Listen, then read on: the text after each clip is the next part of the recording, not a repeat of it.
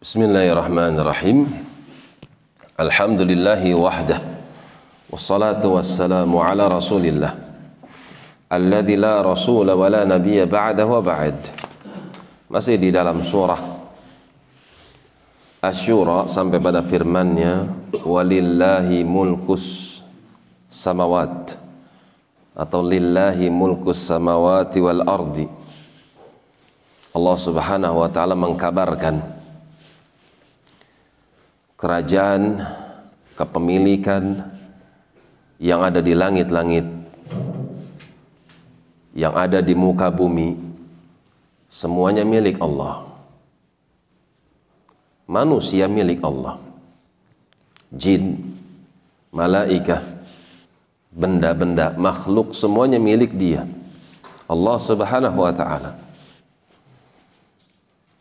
Yakhluqu ma yasha dia menciptakan apa yang dia inginkan dia menciptakan apa yang dia kehendaki ada yang putih, ada yang hitam, ada yang tinggi, ada yang pendek, ada yang kurus, ada yang gemuk. Semua dia menginginkannya. Kita tinggal menerima saja. Nggak ada alasan buat kita untuk menolaknya, apalagi menentangnya. Protes terhadap apa yang Allah ciptakan. Yahabu lima yasha'u inatha. Dia memberikan karunia kepada hamba-hamba yang dia inginkan sesuai dengan apa yang Allah kehendaki inatha. Memiliki anak perempuan. Allah bahasakan di sini anak perempuan adalah karunia. Seorang punya anak perempuan, maka anak itu adalah karunia wa yahabu lima yasha demikian pula Allah memberikan karunia untuk orang-orang yang Allah kehendaki adzukur dia punya anak laki-laki. Laki perempuan sama di sisi Allah Subhanahu wa taala. Sama-sama karunia. Dan ayat ini merupakan ayat yang menunjukkan bahwasanya Islam sangat perhatian kepada perempuan di saat sebagian besar manusia bangsa Arab ketika itu benci bukan hanya nggak suka tapi benci kepada anak perempuan.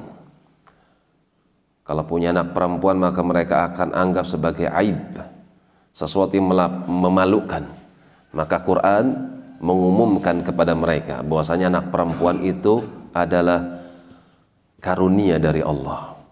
Lihat kalimatnya yahabu lima yasha'u inatha disebut perempuan terlebih dahulu ketimbang laki-laki. Au yuzawwijuhum wa inathan. Atau Allah Subhanahu wa taala memberikan karunia dengan mempasangkan antara laki-laki dan perempuan. Bukan punya anak laki-laki saja, tapi dia pun memiliki anak perempuan. Berarti komplit. Ini karunia dari Allah Subhanahu wa taala, jangan dicela wa yaj'alu may yasha'u aqima. Akan tapi Allah jadikan juga. Untuk orang-orang yang Allah kehendaki akima enggak punya anak baik laki-laki maupun perempuan. Semua Allah yang menentukannya. Innahu alimun. Sesungguhnya Allah Subhanahu wa taala alim. Dia maha tahu siapa yang berhak untuk mendapatkan sesuatu siapa yang tidak berhak semuanya atas ilmu dari Allah Subhanahu wa taala. Qadirun dan dia maha kuasa atas segala sesuatu. Dia menempatkan sesuatu pada tempatnya. Dia menetapkan sesuatu sesuai dengan hikmahnya. Segala sesuatu yang dia tetapkan pasti baik, nggak mungkin tidak baik, pasti baik. Baik buat si hamba, baik untuk masa depan si hamba dan baik untuk keturunannya. Ketika dia memberikan anak laki-laki, maka itu baik untuk agama orang tersebut. Demikian pula siapa yang mendapatkan anak perempuan, maka sungguh itu kebaikan jika dia seorang yang beriman kepada Allah Subhanahu wa taala. Demikian.